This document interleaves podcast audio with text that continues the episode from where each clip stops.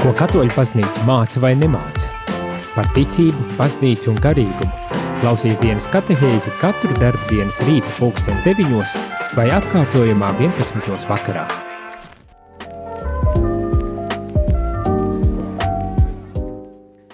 Labrīt, labrīt, rādījumā arī klausītāji. Šeit es, priesteris Jānis Meļņikovs, kā katru rītu ar šajā rītā tiekamies uz dienas katehēzi un kā ne katru rītu, uh, to droši vien arī būsiet pamanījuši, uh, šajā reizē man ir viesis, un viesis ir, es domāju, daudziem ļoti labi jau pazīstams un zināms, un uh, pirms kāda laika es saprotu arī diezgan aktīvs viesis aicināts uz dažādām lietām izteikties un runāties, bet šogad šķiet, ka pirmo reizi, pirmo, pirmo reizi, vismaz pilnīgi noteikti šajā sezonā man šķiet pirmo reizi, un tas ir – priesteris Renārs Birkovs. Ļoti jauki, ļoti e, pateicos par to, ka es piekritis atnākt uz šo sarunu un uz sarunu par sinodalitāti. Tagad kā reiz pirms, e, pirms e, sākām šo sarunu, tad atklājās, kad priesteris Renārs ir pētījis, skatījies šos sinodālos jautājumus un ļoti iespējams mācies arī paskaidrot, kas tas tāds beigu beigās ir, tā salikt visu pa plauktiem. Bet pirms mēs ķeramies klāt šai sarunai un, un skaidrojumam, varbūt tas ar tādam vairāk teoloģiskam skaidrojumam, gribas dzirdēt arī nedaudz vairāk par paša pieredzi attiecībā uz šo sinodalitāti, ne tikai studiju, kā teikt, ietvaros, bet kā piedzīvoji. Es saprotu, tajā laikā tu nebija Latvijā, un varbūt tās līdz ar to mēs arī rādījumā arī klausītāji gūsim nelielu ieskatu tajā, kā varbūt tās citviet Spānijā to darīja, ja darīja, un, un, nu jā, vienmēr sakot, cik vari un kā vari padalīties par tiem iespaidiem, kā tas tika veikts, eh, varbūt tās kaut kādas atziņas no tā, kas tika gūts, un, un eh, tad vispārīgi par, par šo sinodālo ceļu. Tad uh tad varu pateikt to, ka tā mana sinodālā pieredze, viņa varbūt gribētos teikt, ka viņa tāda daudz plašāka nekā varbūt sinodālā ceļa ietvaros, ko, ko pāvests Francisks uzsāka pirms šiem gadiem, diviem, ka drīzāk teikšu, ka sinodālais ceļš, ka tas ir tas tāds baznīcas kopīgais ceļš, kur baznīca kopā meklē šos risinājumus, meklē kopīgas atbildes uz dažādiem šī laika jautājumiem, par labāku misiju, par labāku kalpošanu, tad, eh, jā, kā jau Jānis minēja, ka esmu nebiju Latvijā tajā laikā, kad notika šī diecēžu fāze, es atrados Spānijā toreiz, un uh, varbūt tādās diecezāli, tādās sinodālu tikšanos, uh, varbūt arī man tieši nebija tādā veidā, ka tur vairāk runāja par to, ka vairāk ir jāuzklausa viedoklis tiem, kur ir uh, tālāk no baznīcas, kuri varbūt iet retāk uz baznīcu, vai ārpus baznīcas, vai ir bijuši baznīcā un vairs nav baznīcā, un varbūt tur, kur es biju Spānijā, uz to uzsvaru nelika, ka tur vairāk vajadzētu apjautāt pašus priesterus vai tos, kur ir katru dienu baznīcā vai katru svētdienu, bet kā likt šo uzsvaru, meklēt šos cilvēkus, meklēt veidu, kā tikt pie tiem cilvēkiem, kur ir attālinājušies no baznīcas, kas ir viņu iemesls, ko viņi domā par baznīcu, un ka tajā tieši diecēs fāzē tas bija tas svarīgais. Protams, arī cilvēki, kur ir aktīvi baznīcā, ka arī viņi tur uh, ir iesaistīti, un arī viņu viedoklis vienmēr ir bijis svarīgs. Un uh, tāpēc arī saku par to manu pieredzi, kāpēc viņa ir tāda plašāka, ka arī bieži man vēl pirms šīs sinodālā ceļa pirmo fāžu sākumam uh, ir jautāts vienmēr viedoklis par dažādām lietām. Arī vietējā baznīcā, tā kā es esmu priesteris, e, gan arhibīskaps ir jautājis dažādu, dažādos jautājumos manu viedokli, kur es esmu varbūt vai nu eksperts, vai esmu bijis klāt, pārzinu kādu konkrētu lietu, konkrētu situāciju. Un uh, tas vēl pirms visa šī sinodālā ceļa sākuma, tas arī man tā licies ļoti īpaši, ka, ka ir jautāts mans viedoklis par kaut ko. Un uh, tas arī ir devis man tādu fantastisku piederības sajūtu baznīcai, īpaši kā priesterim, ka, ka man tiek prasīts viedoklis. Cits jautājums ir, kā šis viedoklis pēc tam realizējas uh, darbībā un kā viņš iekļaujas tajā kopējā bildē, bet, uh, bet man tā, tādu svarīgumu sajūtu tas ir radījis. bet, nu jā, viens ir, ka tev prasa to savu, tavu viedokli paust, un it īpaši, ka tas ir priekšnieks, kurš prasa, protams, tad tu tādu nopietnības sajūtu gūsti un svarīgu sajūtu gūsti, kas ir ļoti jauki un ļoti labi. Bet, protams, kad līdz ar šo sinodalitāti vai kopīgo ceļu to mēģina tā kā arī tālāk paust, kad tas nepaliek tikai uh, Eh, kā teikt, hierarhijas ietveros, tātad eh, priesteri bīskapu starpā, vai ne, bet kad arī plašākā eh, veidā, bet, bet man, man pārsteidza tas, kad, kad vairāk uzsvars tika likts tieši uz tiem, kas ir tā kā attālināti vairāk no tās baznīcas, vai atceluši, vai kā lai pasaka, no, no baznīcas, un kad ar viņiem mēģinot rast šos kontaktus un vairāk runāties tā vietā, lai klausītos Uh, un veidot šo dialogu, sarunu uh, vairāk tieši baznīcas ietverā. Jo man jau personīgi šķist, ka Un pāvests, protams, aicināja, lai būtu ne tikai uh, iekšā esošie cilvēki uzrunāti, bet arī ārpus. Un, un ja nemaldos, pat, pat ne tikai kristieši, ne tikai katoļi, bet visi kristieši un ne tikai kristieši. Ne? Nu, kad pēc iespējas vairāk uzrunāt cilvēkus un aizsniegties līdz cilvēkiem un sadzirdēt viņus un dot iespēju izteikties un tā kā savā veidā būt arī uh, iesaistītiem šajā procesā, bet no otras puses tā, tāda sajūta, jā, bet nu, vai kā, un tagad noignorēsim tos, kuri patiesībā zina, kā tas viss jau notiek, vai, vai kā, nē, tas, es, es jau vienkārši tagad tā klausoties, dzirdot to, man tāda, o, oh, tas arī interesants piegājiens, kā, kā lietas varētu varbūt tās risināt.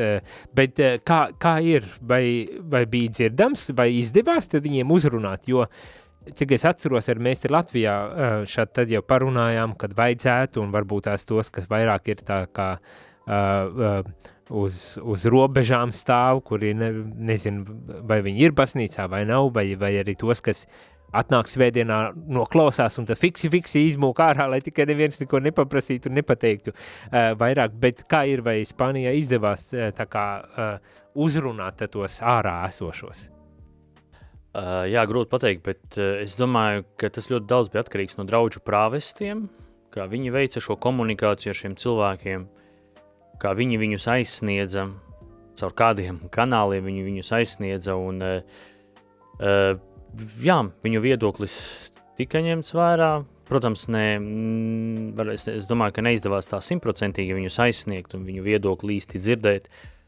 Un par to, ko tu arī Jānika ieminējies par to, ka jā, kaut kā runājam ar tiem, kuri ir atsaluši, kuri ir tālu, bet nerunājam par ar tiem, kuri varbūt ir iekšā, kuri tā ļoti aktīvi to dara. Un tieši man Spānijā bija viena saruna ar vienu priesteri, teoloģijas pasniedzēju, Viņš saka, jā, man, man, man sinodālajā ceļā manu viedokli neprasa.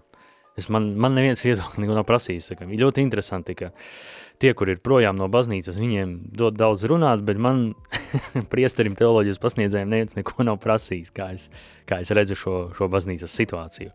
Jā, tas tāds ir interesanti, bet jā, pāvestam šī doma bija no sākuma pievērst viņu uzmanību, un e, bija tā ideja saprast tos viedokļus, kāpēc viņi ir projām no baznīcas, kas varbūt ir tiešām uh, tas, tas, tas baznīcas klupšanas akmens iekšienē, kāpēc viņi tur vairs neatrodas, ko varbūt nav pamanījuši tie, kur ir iekšpusē.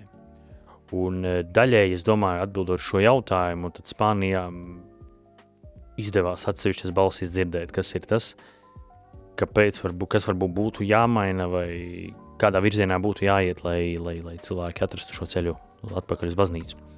Nu, un es domāju, ka šajā ziņā iespējams Latvija nav uh, citādāka no, no Spānijas vai citām uh, Rietumu Eiropas valstīm, nu, kas saistīts ar sekulārismu. Uh, cik mana uh, mazā pieredze ir Spānijā, tad es ļoti bieži dzirdu par to, ka tāds agresīvs sekulārisms tagad uh, ir pārņēmis un, un, protams, aicinājuma krīzes un, un visas, uh, it īpaši, kas attiec uz konsekrēto dzīvesveidu, to novecošanu, kopienu novecošanu un tāda ļoti uh, Eh, pasīvā eh, teikt, atjaunošanās kopiena un visas vis šīs problemātikas, eh, nu, kas nav svešas arī mums, varbūt tās izmēru ziņā. Nu, mazāka, mazāks, mazāks tas viss ir, bet tāpat tās agresīvas sekulārisms, tāpat tās aicinājuma problēmas, krīzes, tāpat tās daudz citas lietas, kas notiek baznīcā un, un, un dota tagad tā iespēja izteikties, jā, bet tā kā atstāja atstāju otrajā plānā. Nu, jūs jau savējie, nu, ko jau mēs tur vairāk tā klausīsimies jūsos, vai ne? bet, bet es domāju, ka man personīgi būtu arī interesanti uzzināt, interesanti, kā bija, vai izdevās uzrunāt tos cilvēkus ārpus, ārpus baznīcas, vai kur ir tā kā jūtas vismaz svešāki baznīcai. Atceros, kad pie mums Latvijā bija kardināls Grehs, atbraucis, kurš ir eh, šīs sinodālā procesa, laikam tā teikt, vadītājs, ja, sekretārs sauc uh, amata vieta. Un, uh, un, un es atceros, kad uh, no viņa, ar, ar viņu man arī bija intervija, un viņš kaut ko man šķiet pirms intervijas izmeta tādu domu, ka, oh, būtu gribētos tā kā um, arī runāt ar cilvēkiem, tā skaitā ar žurnālistiem, kas ir ne no katoļu vidus, nu, ka mēs nepalikam savā burbulītī, bet tā kā vairāk aizsniedzamies. Uh, pēc viņiem. Tad, protams, tā ir ļoti laba un cēla ideja, un mēs visdrīzākais arī daudz ko varam iegūt. No tā no otras puses, vai nav arī tā, ka mēs jau par lielām zinām, kas ir par kādām lielām problēmām, kas ir pamatā, ne, un, un ka varbūt tās daudz vērtāk dažu brīdi ir ieklausīties tieši tajos savos tuvākajos līdzstrādniekos vai uh, vai draugu locekļos, vai, vai cilvēkos, kas, ar kuriem mēs esam kopā. Nē, es jau arī negribu pateikt, ka nevajag vienā vai otrā grupā klausīties. E, es tikai kā redzi, mans pārsteigums ir pietiekoši liels, lai, lai pakavētos pie, pie, šī, pie šīs lietas. Jā, es precīzi, precīzi nevarēšu pateikt par to, kā izdevās vai neizdevās aizsniegt šos cilvēkus, un tāpat arī to, cik viņi bija atvērti vai neatvērti uz šādu dialogu, šādu runāšanu. Bet arī, cik es dzirdēju, arī šeit no Latvijas pieredzes, tomēr tika pulcināti cilvēki, kur ir draudzēs. Un es domāju, ka vismaz Rīgas arhidiecēs tā sinodālā pieredze, viņa, viņa bija vērtīga. Es domāju, ka pirmajā vietā tiešām lika, tika likts uzsvars uz cilvēkiem, kur ir draudzē, jo bija šīs tikšanās eh, tajās draudzēs, kurās bija, protams, eh, bija pirmkārt jau ar tiem cilvēkiem, kuri tur ir tā pamatīgi iekšā un eh, vairāk vai mazāk ir iesaistījušies draudzes dzīvē, es domāju, pārsvarā tas bija, bija viņu viedoklis, un es domāju, tie katoļi, kuri varbūt neiet uz baznīcu, varbūt netik daudz, netik daudz par tādu vispār zināja iespēju. Un, un zinot, ka tu tagad esi prāvests katedrālas draudzē, kurā pirms tam bija Pauls Kļāviņš, priesties, kurš arī bija atbildīgais par Latvijā, nu, vismaz Rīgas diecēzē šo sinodālo procesu, tad es iedomājos, kad katedrālas draudze bija ļoti labi aprūpēta un, un izdiskutēta attiecībā uz šo sinodalitāti. Vēl varbūt tās pirms muzikālās pauzītes gribas pajautāt tev tā kā aizējot no, no, no šī uh, prom, bet kāda pašam tev ir, ja tā var teikt, sajūta par to sinodālo procesu? Kā pats kopumā redzi to visu procesu notiekam? Nu, šeit es arī domāju tajā kontekstā, kad ik pa brītiņam parādas kritika un, un, un pārmetumu un pāvests herētiķis un jaunus pāvests vēl, vēl. Es, man šķiet jau minēja, kad par ko es esmu pārsteigts, man pat sociālos mēdījos parādās tādi īsi video, kur no Spānijas jaunu pāvestu, kur ievēlējuši un kā viņi tur svin tagad un, un, un celebrē to pāvestu, vai ne, tur zeltā ģērbtu un visā tādās lietās. Nu, kad ir daudz, daudz visādi šitādas lietas, kā tu pats redzi arī attiecībā uz šo lietu, kāda ir tava tāda, nu, nezinu, sajūta vai, vai viedoklis? Par laimi tas gadījums, ko tu Jānis stāsti par, par to Spānijas ievēlēto pāvestu, tā pirmā dzirdēšana, un līdz manim tas nenonāca. Tā sakot, nes, tādā, tā, tas nozīmē to, ka tā vide Spānijā, kur, ap kur es apgrozījos par to, ar to nav saistīta. Uh, jā, kā es to redzu, tad es varētu pateikt, ka es to neredzu kā kaut ko ļoti īpašu vai ļoti kaut ko oriģinālu vai tagad kaut ko tādu wow, ka tagad mums ir lielas pārmaiņas baznīcā un baznīca otrādi tiks apgāzta. Nē, es to redzu kā tādu ļoti loģisku, skaistu turpinājumu tai idejai, kad sākās Vatikāna otrā koncilā, koncila mācībā. Jo Vatikāna otrais koncils nu jau ar savu gandrīz 60 gadu vēsturi, viņš lēnām ieiet baznīcā, baznīcas domāšanā, baznīcas mentalitātē, un šo pāvesta Franciska sākto sinodālo ceļos redzu kā tikai uh, loģisku turpinājumu šim, šai attīstībai, kā Vatikāna otrā koncila mācība ieiet baznīcas mentalitātē, katra katoļa mentalitātē. domāju, ka tā ir ļoti laba pārēja uz muzikālo pauzīti, pēc kā atgriezīsimies, un tad varbūt tās nedaudz pārdomāsim, jā, ko tad, ko tad kāda tur saistība ar Vatikānu otro koncilu un, un ko vispār šī sinodalitāte nozīmē un, un tādu nelielu, varbūt tās cilvēkiem saprotam skaidrojumu, mēģināsim tad arī gūt par šo jā, procesu. Tā kā pēc muzikālās pauzes atgriežamies un turpinam sarunu.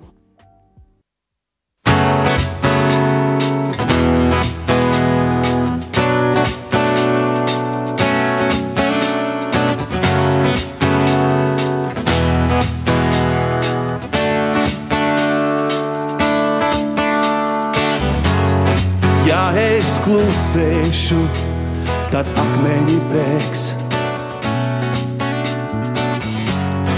Un tavs prieks vienmēr būs mans spēks. Tavus darbus skaļi paudīšu, un tev slavu skaļi dziedāšu.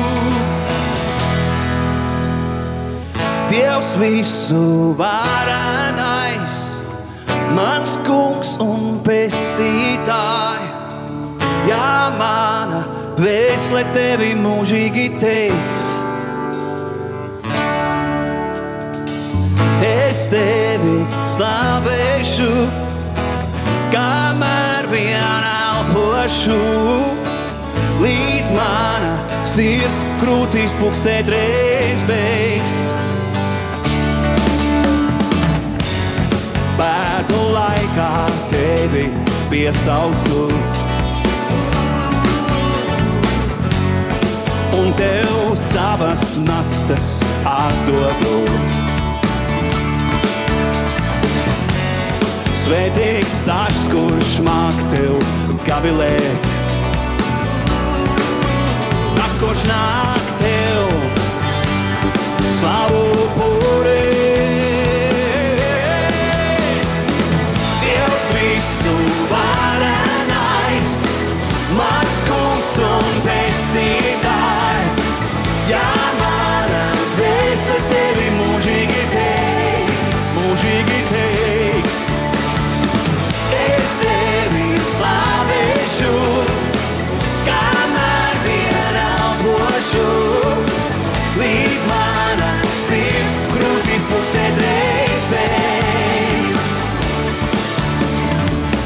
Mana dziesma ir tev tīkama smarža, kas pie tava troņa paceļās?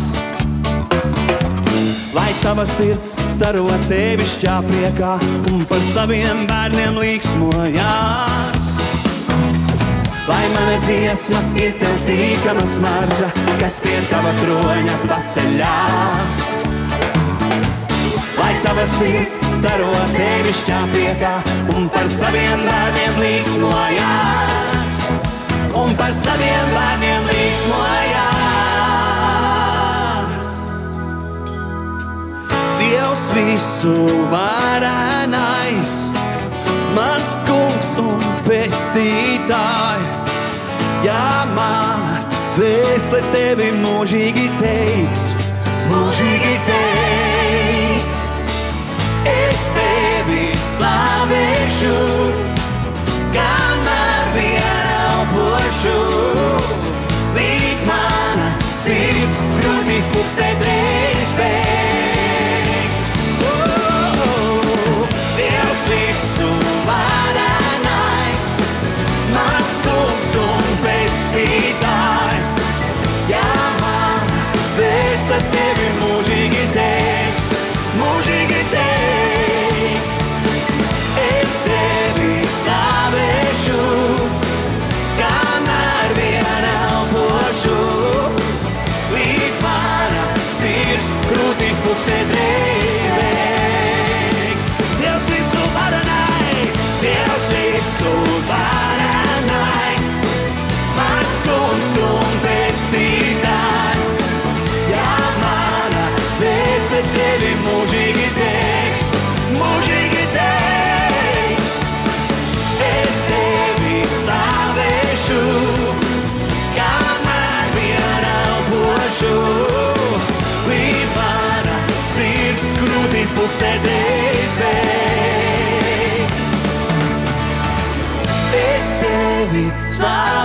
Slavēšu, kamēr vien elpošu. Līdz manas sirds krūtīs pukstēt reiz beigas.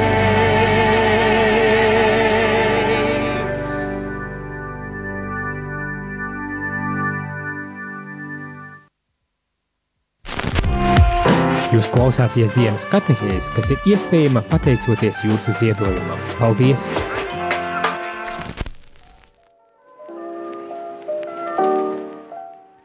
Labrīt, labrīt, rādam arī klausītāji. Šeit es priesteris Jānis un ar mani ir priesteris Renārs, uh, katedrāls prāves. Viņam ir vairāki citi arī amati un nosaukumi, laikam tur, uh, ja gribēs pats pastāstīs. Bet uh, pēc galvenais, par ko mēs runājam, mēs turpinām runāt par sinodalitāti un varbūt tās tādas tikai atsvaidzināšanai, kāpēc tā sinodalitāte un kas tas tāds vispār ir, tad šodien uzzināsiet, klausieties, pieslēdzieties katehēzei. Vai ne, ne tikai šodien uh, būs arī citas sarunas uh, ar, arī ar citiem priesteriem, kas ceru, ka dos arī ieskatu nedaudz lielāku izpratni par šiem lietām. Bet uh, tiešām šodien arī gribas tad paprasīt, uh, kas tā sinode, sinodalitāte, kas tas tāds vispār ir? Tu vari tādā vienkāršā veidā paskaidrot un izskaidrot um, lai, lai cilvēks no malas saprot. Ne tikai tas, kas varbūt tās darīja to procesu, kuram varbūt tās ir kaut kāda nojausma, bet arī tam, kurš varbūt tās tagad dzirdēs un pie sevis nodomās, ai, cik žēl, kad nepiedalījos. es domāju, es neko jaunu nepateikšu, jo sinodalitāte tas ir baznīcas kopīgais ceļš.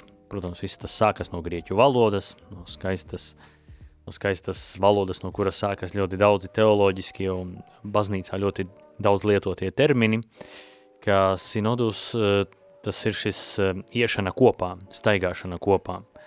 Un eh, baznīcu jau pats Jēzus dibinot gribēja, lai tā būtu viena, lai tā staigātu kopā, un to jau mēs redzam apustuļu darbos pirmajā kristiešu kopienā, un pēc tam arī vēlākos gadsimtos, kā baznīca iet kopā, ka tas ir baznīcas ceļš uz mūžīgo dzīvi, un ka tas nav tikai katra kristieša tāds savs ceļš, kur viņš kā indivīds tur iet savu ceļu, tur neinteresējoties pa labi, ne, ne pa labi, ne pa kreisi, kas viņam notiek, bet tas ir kopējais baznīcas ceļš, jo baznīca tā ir kopiena, un tāpēc arī baznīca aicināta iet šo kopīgo ceļu, un šis sinodālais ceļš, kuru pāvests Francisks ir vēlējies, tad tieši ir šis, šis motīvs, lai cilvēki ietu kopā, klausītos viens otrā, meklētu risinājumus kopā, dialoga veidā, nevis tā, ka tur tagad katrs aizstāv savu taisnību ar visām četrām, tad e, tas ir tā, lai izteiktu savu viedokli un arī klausītos, klausītos un runātu, un visi kopā, un tas ir tas kopīgais ceļš, kā baznīcā iet, iet tālāk.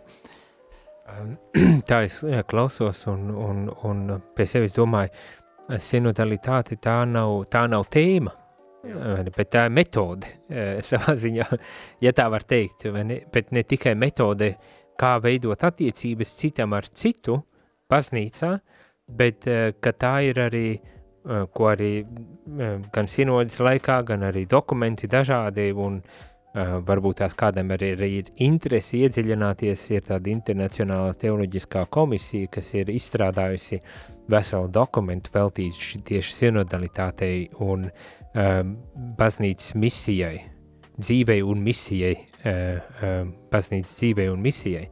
Un tur arī daudz un dikti un ļoti smalki tiek patiesībā uh, skaidrot šī lieta un uh, un izvērst, sākot no vēstures, etimoloģijas, viss, viss iespējamais, kā jau varētu iedomāties. Bet tātad, tā ir, kā šajā dokumentā daudz kur citur tiek runāts, ka tā ir patiesībā baznīcas īpašība, tā iešana kopā, būšana kopā, un, un kad tas raksturo to, kādā veidā mēs veidojam attiecības viens ar otru, cilvēki, ticīgie cilvēki savā starpā, bet arī tā skaitā ar baznīcu kā institūciju tiek veidotas, kā tās attiecības veidojas, kā, kā notiek pārvalde, kā lēmumu pieņemšana un tā tālāk un tā joprojām. Kas turklāt nav kaut kas pilnīgi jauns un tikko izgudrots Francisks, pāvests Francisks izgudroja, bet tas ir kā priesteris Renārs arī jau minēja, ka jau, jau no apustuļu laikiem Tātad jau no paša Jēzus laika jau principā nāk šī tradīcija, un ja tā paskatāmies eh, un eh, iedziļinamies, tad ne tikai no apustuļu laikiem un Jēzus, bet arī jau vecajā derībā redzam līdzīgas iezīmes, lai arī varbūt tās tā, tā kā teikt, izpratne ir šobrīd uh, uh, virzījusies uz priekšu, vai ne? Uh, jā, šī izpratne iet uz priekšu, viņa attīstās, viņai parādās arī citas tādas, jā, ka tā sinodalitāte tā ir metode. Un e, kā baznīcā šie lēmumi tiek pieņemti, tad uzreiz varu pateikt, ka baznīcu pārvalda pats Kristus caur saviem apustuļu pēctečiem, proti caur pāvestu un bīskapiem. Un e, pāvests un bīskapi katrs savā diecēzē ir kā šie tiešie Kristus vietnieki, kuri pārvalda, pārvalda baznīcu un uh, lielākā daļa lēmumu ir tieši viņu rokās. Un uh, viņu katra vienpersoniski rokās. To, kas attiecas uz visu baznīcu, tas ir pāvests, kurš vienpersoniski pieņem lēmumus, un diecēzē tas ir diecēzes bīskaps, ordinārijas, uh, kurš pieņem vienpersoniski šos lēmumus. Bet tas nenozīmē, ka ka tagad uh, baznīcās ir kaut kāds režīms, kur, tikai, kur tikai viens cilvēks visu nosaka, tad arī pastāv šī sinodalitāte kā, kā metode, kā Jānis to teica, tad arī tā metode, kurā uh, šie vienpersoniskie lēmumi vispirms tiek uh, izskatīti. Tas tādā ziņā nevis tā, ka tur bīskaps apsēžas, tagad paņem savas kaut kādas lietas un tagad uh, vai arī kuru priesteri uz kuru draudzi sūtīs, vai kā tur tagad būs, apmēram diecēzes karte un ar šautriņām met tā, tas būs uz to draudzi, tas uz to, ka tas tā nav, ka bīskapi pirms tādu arī ļoti svarīgu lēmumu pieņemšanas eh, arī konsultējas gan ar priesteriem, vai arī jautājumos, kur eh, arī lajiem, laji ir iesaistīti, tad mēģina noskaidrot šo viedokli, mēģina redzēt šo panorāmu, mēģina redzēt šo panorāmu, uh, uz kuras balstoties viņš pieņem šo vienpersonisko lēmumu. Un tieši tāpēc tā sinodalitāte, kā metode baznīcā, viņa ir ļoti svarīga, lai klausītos un runātu. Un e, tā tad redzam, ka šeit nav ne tāda režīms, ne diktatūra, kur viens cilvēks visu nosaka un kā viņš grib, un nav arī tādā demokrātiski parlamentāra sistēma, kur tagad, nu, visus sasaucam, visi nobalsos, kā lielākais vairum, vairums būs nobalsojis, tā arī izdarīsim, ja? ka arī tas tā nav. Kā pirms kāda lēmuma vai bīskaps vai draudz arī prāvests, pirms kādas aktivitātes, viņš apjautā viedokli, bet uh, nevāc balsis vai ne, kurš balso par to, kurš balso par to, ah, nu jā, par to ir vairāk, un tad tagad es tā pieņemu lēmumu, nē, viņš nav pakļauts vairākuma balsīm, bet viņš ir, viņa pienākums ir uzklausīt uzklausīt katru viedokli un uztaisīt tādu kopsavilkumu, no kura viņš var arī gudri pieņemt šo lēmumu. Un tādējādi baznīca, gan ganītāji, gan ticīgā tauta seko Kristum šajā kopīgajā ceļā. Piemēram, baznīcas ganītāji pirms pieņemot lēmumiem, pie, pirms pieņemt lēmumus ar gudrību un mīlestību pēc paša Kristus parauga uzņem šo situāciju, uzklausa cilvēkus, un kā Kristus ar to tēvišķību, ar mīlestību arī darbojas. Savukārt ticīgā tauta ar Kristus paklausību pieņem savu ganītāju lēmumus. Nu jā, un, un laikam jau gribas teikt atkal, uh, un no otras puses varbūt tās tā ar tādu uh, nedi, nelielu uh, pauzīti, bet gribas teikt atkal jau nekas jauns, jo tas jau iztenis tā ir tas bija varbūt tās, tas, par ko es tā iedomājos, aizmirsts. un, diemžēl, cilvēciskā vājuma ierobežotības dēļ dažreiz arī uh, apzināti tiek uh, nepildīti vai nedarīti šādā veidā, un tad, tad šobrīd tāda sajūta vismaz ir, ar, kad jau sākot ar Vatikānu otro koncilu, un tagad vēl jo spēcīgāk izceļot to, kad kad mums jābūt kopā, kad nu, viens, pat ja esi bīskaps ar, ar, ar kā teikt, bīs, bīskapa svētībām, nu, svētā gara dāvanām, kur viena no tām ir gudrība un, un kur tev ir uzticēts, tad pienāks, kad pienākums pārvaldīt, valdīt par baznīcu, no es arī lietoju apzināt šo valdīt par baznīcu, vai ne, notiek, kad tu saki vienpersoniski šos lēmumus, bet šobrīd tā kā tiek uzsvērts tas, ka pat ar visām šīm dāvanām tas nenozīmē, kad uh, tu esi viens cīnītājs, uh, ne, uh, kad tev ir jāpieņem lēmums, dokumentus beigu beigās tev būs jāpiera, jāparaksta, no tevis prasīs atbildību un tev arī uh, kritizēs un, un, un lamās un visu ko citu darīs,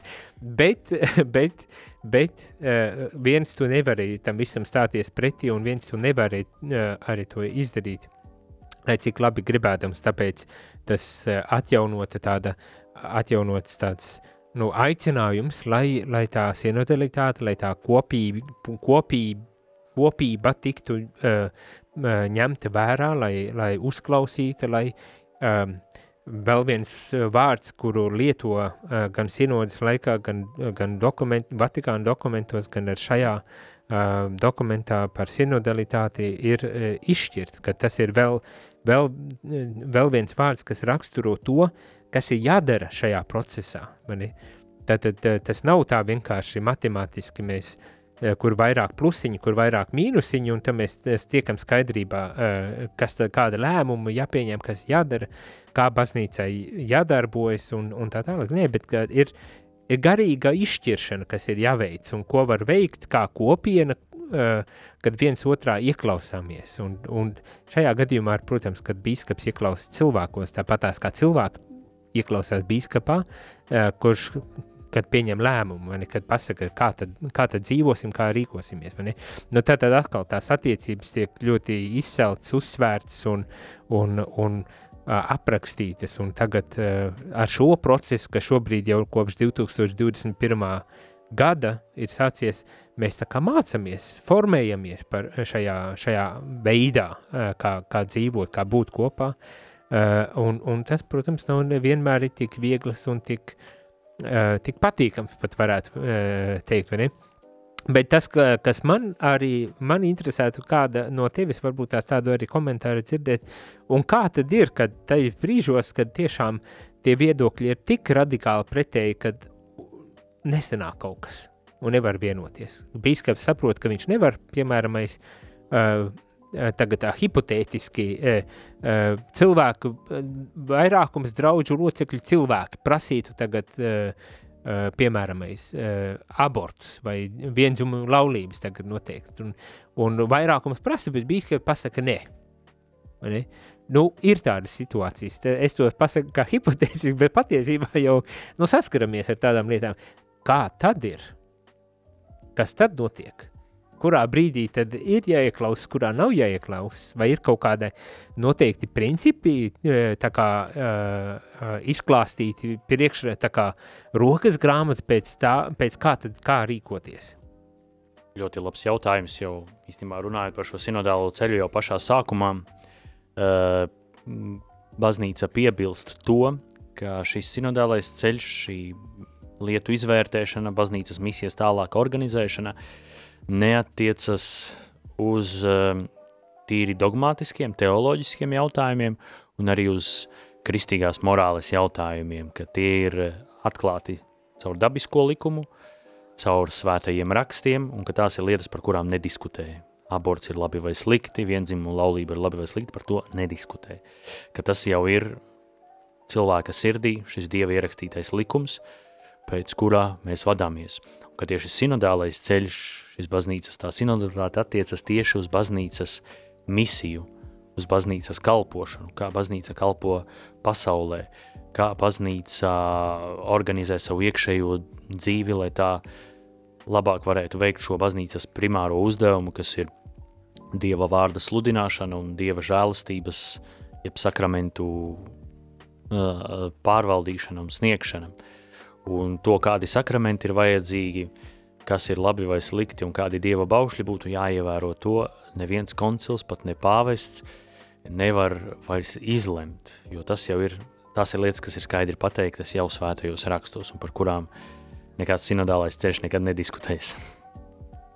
Tā bija laba, laba piezīme par to, doktri, nu, ka neno, šeit nav diskusija par doktrīnu, par mācību, ne, ka nemainīgo mācību, ka, kas baznīcā ir uzticēta un nevis kā īpašums, bet kā pārvaldnieks. Ja? Nu, tie varbūt tās vārdi, ko bieži dzirdam, bet, manuprāt, arī ļoti labi raksturo un, un izsaka to būtību, un ka šeit evanģelizācija ir pamat, viens, viens no baznīcas pamatu uzdevumiem ir evanģelizācija, un tiek norādīts uz to, kā mēs tad varam jā, veikt šo evanģelizāciju daudz, uh, nu, laikam autentiskāk un efektīvāk, uh, un, protams, to darot, iesaistot arī cilvēkus, un it īpaši mūsdienu sekulārajā vidē, kur uh, baznīca nevar visur aiziet, nevar aizsniegties, vienkārši nelaiž pat arī iet visur, vai ne, kur, kur varbūt tās kristietis, kurš dzīvo savu kristīgo pārliecību apzināti un, un brīvi un tiešām ar tādu, nu, tiešām kristīgu pārliecību dzīvo, kad viņš būs tas, kurš var aiziet tur, kur baznīca, nu, tādā ziņā priesteris neaiziet, bīskaps neaiziet, pāvests, nu, un tā tālāk, vai ne? Un, un kā tiešām izcelt šo evanģelizācijas uh, milzīgo nozīmi, kurā obligāti cilvēkiem ir jāņem dalība, lai uh, un jā, jāļauj būt klātesošiem. Lai gan tiek runāts arī, protams, par tādiem aspektiem kā baznīcas pārvalde, administrācija, ne, un tā, tie arī ir aspekti, uz kuriem tiek norādīts. Redzēsim, oktobrī būs sinode Romā, kurā tad notiks spriešana, visdrīzākais kaut ko arī dzirdēsim, kā tad viņiem ir gājis, un varbūt tās ir par šiem jautājumiem.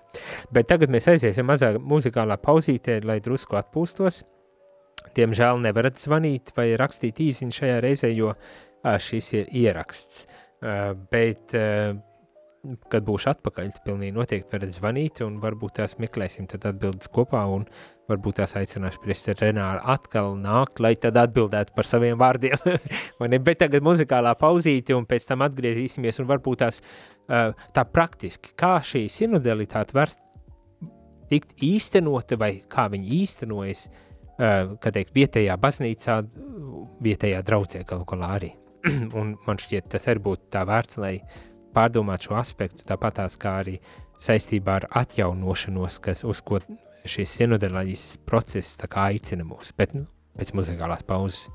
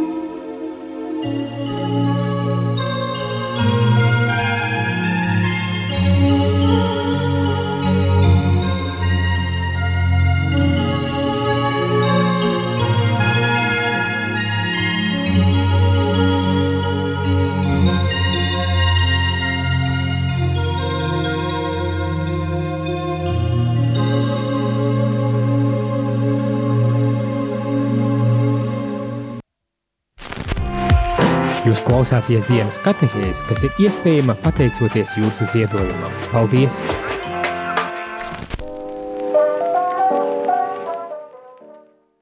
Labdien, labdien, radījumā arī klausītāji, šeit es priesteris Jānis un priesteris Renārs kopā ar mani šajā rīta katehēzē. Nu, jāsaka tā, diemžēl ar ierakstu dažādiem dēļ, es neesmu Latvijā un līdz ar to uh, nevaru būt šeit un priesteris Renārs arī nevarēja atnākt uh, klātienē. Nu, nu, katram ir savas lietas un savi, savi, savi darbi, kas ir jādara, un, un līdz ar to, bet, kā jau es teicu, pirms pauzes, kad ik reiz, kad esmu studijā, droši rakstiet un zvaniet un uzdodot jautājumus, un varbūt tās, ja es nevarēšu atbildēt, meklēšu kādu, ar ko, ar ko kopā varētu mēģināt atbildēt. Nu tā, uh, bet atgriežoties pie sinodalitātes, par ko mēs turpinam sarunu un mēģinam noskaidrot un mēģinam dot tādu uh, priekšstatu, uh, man gribas domāt arī veselīgu priekšstatu ikvienam par to, kas te šobrīd notiek, un, un pateikt, ka principā nekas ako, ap, apokaliptiskas traģēdijas šobrīd nenotiek. Baznīca, kad, kad baznīca iet savu uh,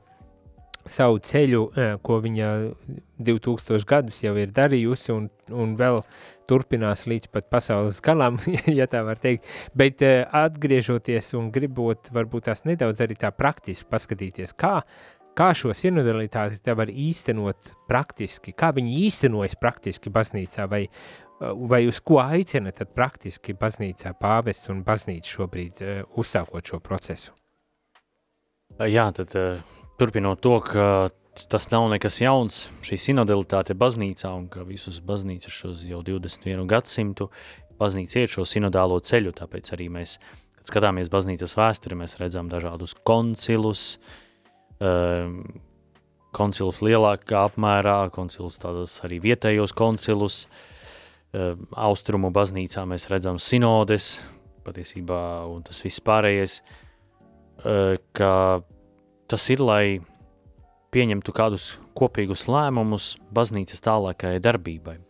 Un Vatikāna otrais koncils, ka tas bija tas, kurš lika šo uzsvaru, ka baznīca ir sinodāla, ka baznīca ir šis kopīgi, ka baznīcā kopā tiek iet šis ceļš, un tad varētu ieskicēt to, ka pēc Vatikāna otrā koncila atsevišķas lietas tika reorganizētas arī baznīcas tādā kā struktūrā kopēji, gan arī katras diecēzes, ja vietējās baznīcas struktūrā daudz kas tika reorganizēts, parādījās arī jaunas, jaunas institūcijas, piemēram, kā viena no tām, ko pāvests, svētais pāvests Pāvils VI ieviesa, tā bija bīskapu sinode, kas tagad arī notiks, bet kopš Vatikāna otrā koncila beigām jau ik pa laikam, ik pa kādiem 3-4 gadiem bīskapi satiekas uz sinodi, kur arī kopā viņi izskata daudz un dažādus aktuālus jautājumus, mēģina kopā sazīmēt šo aktuālo situāciju un kā šajā aktuālā situācijā rīkoties, lai baznīca varētu auglīgāk un efektīvāk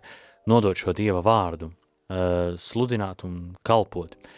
Tāpat arī vietējā baznīcā diecēžu uh, līmenī ir tādas struktūras, kā piemēram bīskapam ir priesteru padome, tas nozīmē to, ka katrs bīskaps daļu no padomes izvēlās viņš personīgi, uh, daļu ievēl citi priesteri, daļa atkal amata spēkā, kāda tiecēzē ieņemam amata spēkā piederšai padomei, un e, arī tur bīskaps pirms tādiem ļoti daudz svarīgiem jautājumiem izskata šos jautājumus kopā ar priesteru padomi. Tāpat ir tādas lietas kā ekonomiskā padome par īpašumu apsaimniekošanu, par saimnieciskām lietām, un, un šajā padomē nav jābūt tikai garīdzniekiem vai priesteriem, bet tādiem uh, patiesi ekspertiem šajās jautājumos, kuri var arī bīskapam ar savu viedokli, ar savām zināšanām ļoti palīdzēt. Tāpat ir tāds pastorālā padome. Pastorālā padome ir tas, kas vairāk par tādām pastorālām darbībām uh, spriež par diecēzes vai arī draudzes pastorālās um, dzīves tādu organizēšanu, attīstīšanu un, uh, un daudz un dažādas šitādas šāda veida tikšanās, uh, kur, kur, tiek, kur tiek apspriesti jautājumi. Jautājumi, eh, kas ir ļoti svarīgi, ļoti būtiski, reizēm pat ļoti sarežģīti, smagi jautājumi, kur pat nevar atrast kopīgo šo viedokli, bet, eh, bet par to tiek runāts. kā baznīcas ganītāji, kuri pieņem lēmumus, ka viņi zin, ka viņi zin visas iespējamās grūtības, visus iespējamos sarežģījumus un maksimāli pārzina šo situāciju, maksimāli redz šo lauku. Un tagad šis iesāktais sinodālais ceļš, kuru pāvests Francisks grib iedzīvināt ar vēl lielāku tieši laju, jeb e, ticīgās tautas tādu lielāku iesaisti, arī ir, lai cilvēki, mak, lai ganītājam, ja baznīcas galvai, visas baznīcas galvai vai diecēs galvai, bīskapam, nonāk maksimālā informācija, maksimāla iespēja informācija, kas viņam atvieglotu šo lēmumu pieņemšanu par labāku baznīcas kalpošanu. Nu jā, tā tad uh, atkal ir bijušas tās struktūras gan diecēžu līmenī, ne, kā priesteris Renārs jau norādīja, bet otrs arī, arī draudžu līmenī, starp citu, arī ir līdzīgas padomas, eh, kas draudžu ietvarā tad arī tiek organizētas un lai, lai tiešām pēc iespējas lielāka draudzes iesaiste ar visā šajā uh, draudzes dzīves procesā būtu, lai nepaliktu tikai uh, ka priesteris viens pats, bet, nu, tīri praktiski, protams, tas, es domāju, Latvijas kontekstā, kur ir lielāks draudzes, kur ir mazāks draudzes, un pilnīgi dabiski, ka mazākā draudzē būs grūti ieviest kaut kādas tādas padomas, un atkal lielākā tas varbūt tās vienkāršāk, jo, nu, vajadzīgi cilvēki, lai to varētu izdarīt, un tā kā, tā kā cilvēki, ejiet uz baznīcām un iesaistāties, iesaistīties tādā gadījumā. Bet eh, nos, noslēgumā eh, gribu varbūt tās nedaudz arī izcelt vēl kaut kādus aspektus attiecībā šo sinodalitāti, un, un viens, kas man tā, kā teikt, ļoti izceļas ir, no, lasot no šīs internacionālās teoloģiskās komisijas dokumenti par sinodalitāti, ka Dieva tauta ir tā, kas tā kā papildina institucionālo baznīcas realitāti ar dvēseli. Man, man šis izteikums tā diezgan iepatikās, nu tā, tā ziņā, ka tā, tās savstarpējās attiecības, kuras uh, baznīca ir aicināta izdzīvot un kurā uh, ticīgie cilvēki aicināti aizvien dziļāk iesaistīties baznīcas dzīvē un taiskaitā arī uh, tādā savu veidu lēmumu pieņemšanā, kad kad bez dieva tautas, bez ticīgo cilvēku iesaistis, eh, tad šī institucionālā realitāte paliek tā kā savā ziņā bez, bez vēsels, nu tas tāds, jā, ziniet, lirisks, eh, lirisks izteiciens, pārnots izteiciens, kas, kas, eh, es domāju, uzrunā daudz, varbūt tās asociēja, daudzus ar šo izteicienu, kā, ko tas praktiski, kā tas praktiski nozīmē, tā atkal cita lieta, jo negribas jau teikt, ka dvēselīt kā nebūtu arī šai baznīcas, tā teikt, institucionālai vai, vai hierarhiskai realitātei. Tā jau gluži tas arī netiek uh, domāts, bet vienlaikus izceļot tiešām to ārkārtīgi lielo nozīmi, uh, ticīgo cilvēku nozīmi, kas tiek izcelta uh, aizvien spēcīgākā veidā.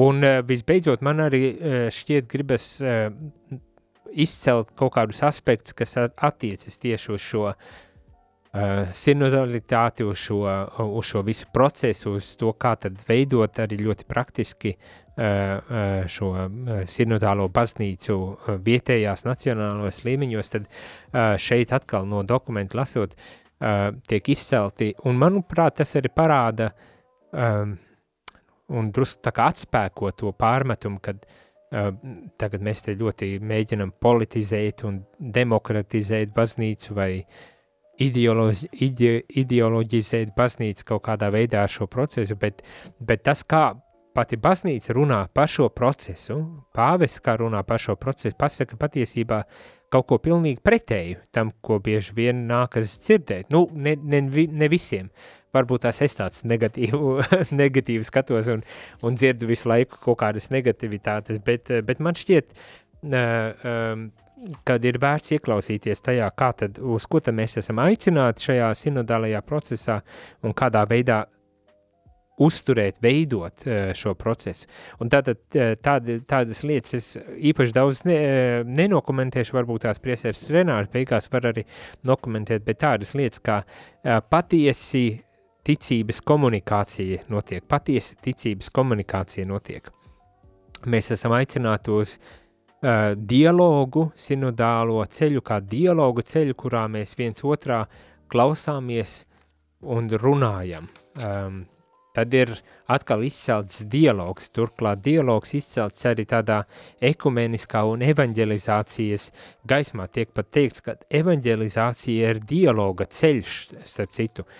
Tas nav tikai, kā teikt, abstrakts patiesības pasludināšana, bet tas ir tiešām arī dialoga ceļš ar, ar citādi e, domājošiem cilvēkiem, bet kopumā e, šis sinodālais ceļš kā tāds dialoga ceļš, tas tiek e, ārkārtīgi izcelts un, un uzsvērts, bet e, dialogs, kurš ir e, tāda kā garīgās komunijas uh, auglis, ne, kur mīlestība, cieņa, uzticība un, un uh, gudrība tiek izvirzīta kā tādas pamatvērtības uh, šajā dialoga uh, ceļā. Tad ārkārtīgi uh, svarīgi, manuprāt, piemērāt, ka dialogs ir arī pazemības ceļš, un it īpaši tad, kad saskaras dažādie viedokļi vai kad saskaras dažādie arī baznīcas, kā teikt, um, slāņa, nu tādā ziņā, ka um, nemazinot kādu, bet dieva tauta, hierarhija, priesteri, bīskapi. Nu, arī šajās attiecībās neaizmirst, ka mm, pazemība ir vēl joprojām ticīgo vērtība, kristīgā vērtība uh, ikvienā veida attiecībās, un, un to nevajag aizmirst. Un visbeidzot, uh, manis jau pieminētā izšķiršanas, tāda garīgās izšķiršanas process, kurā tad mēs tiešām arī mācāmies būt par vienu baznīcu un iet kopā. Tā, tas ir attiecībā uz šo dokumentu, man liekas, tas dod kaut kādu priekšstatu, paldies tev arī, bet varbūt tās tu gribi vēl nokomentēt šos, šos, šīs beidzamās lietas, kuras pieminēji. Jā, tur es tikai varu piebilst to, ka jā, Jānis ļoti daudz par pazemību runāja, par šo ieklausīšanos un tā tālāk, un kā piebildes tam gribētu pateikt to, ka atcerēties, ka uh, ka baznīcu vada svētais gars, ka viss tās sinodālais, kas ir svētā gara vadībā. Jā, mēs esam katrs personība, mums katram savs viedoklis, katram sava situācija, katram savs situācijas redzējums, varbūt pat eh, nepārvaramas domstarpības un tā tālāk, bet jāatcerās to, ka svētais gars, tas, kurš vada baznīcu, tas, kurš šos dažādos cilvēkus ir sapulcinājis, ka viņš ir pāri tam visam – un ka tieši svētais gars ir tas, kurš mūs māca pazemībā, māca mūs reizēm arī atkāpties no sava kaut kāda egoisma, kaut kādas savas iedomas, savas iegribas, lai ar svētā gara gudrības apveltīts spētu saprast baznīcas šo patieso labumu, un lai, lai svētais gars ir tas, kurš vada, ka viņš ir tā atslēga visam tam, ko mēs darām šajā sinodālajā procesā. Āmen un aleluja! Paldies, priesteri Renāri, par to, kad uh, nu, veltīja laiku, lai atnāktu uz šo sarunu. Un paldies arī jums, rādījumi arī klausītāji, par to, ka bijāt kopā ar mums. Eh, vēlu visiem skaistu šo nedēļu un um, um, lai svētais gars kopā ar mums vienmēr ikvienā situācijā. Ne tikai sinodālajā procesā, bet arī mūsu ikdienas uh, gaitās, lai tiešām svētais gars valda mūsu vidū. Bet nu, uz tikšanos jau uh, citā reizē.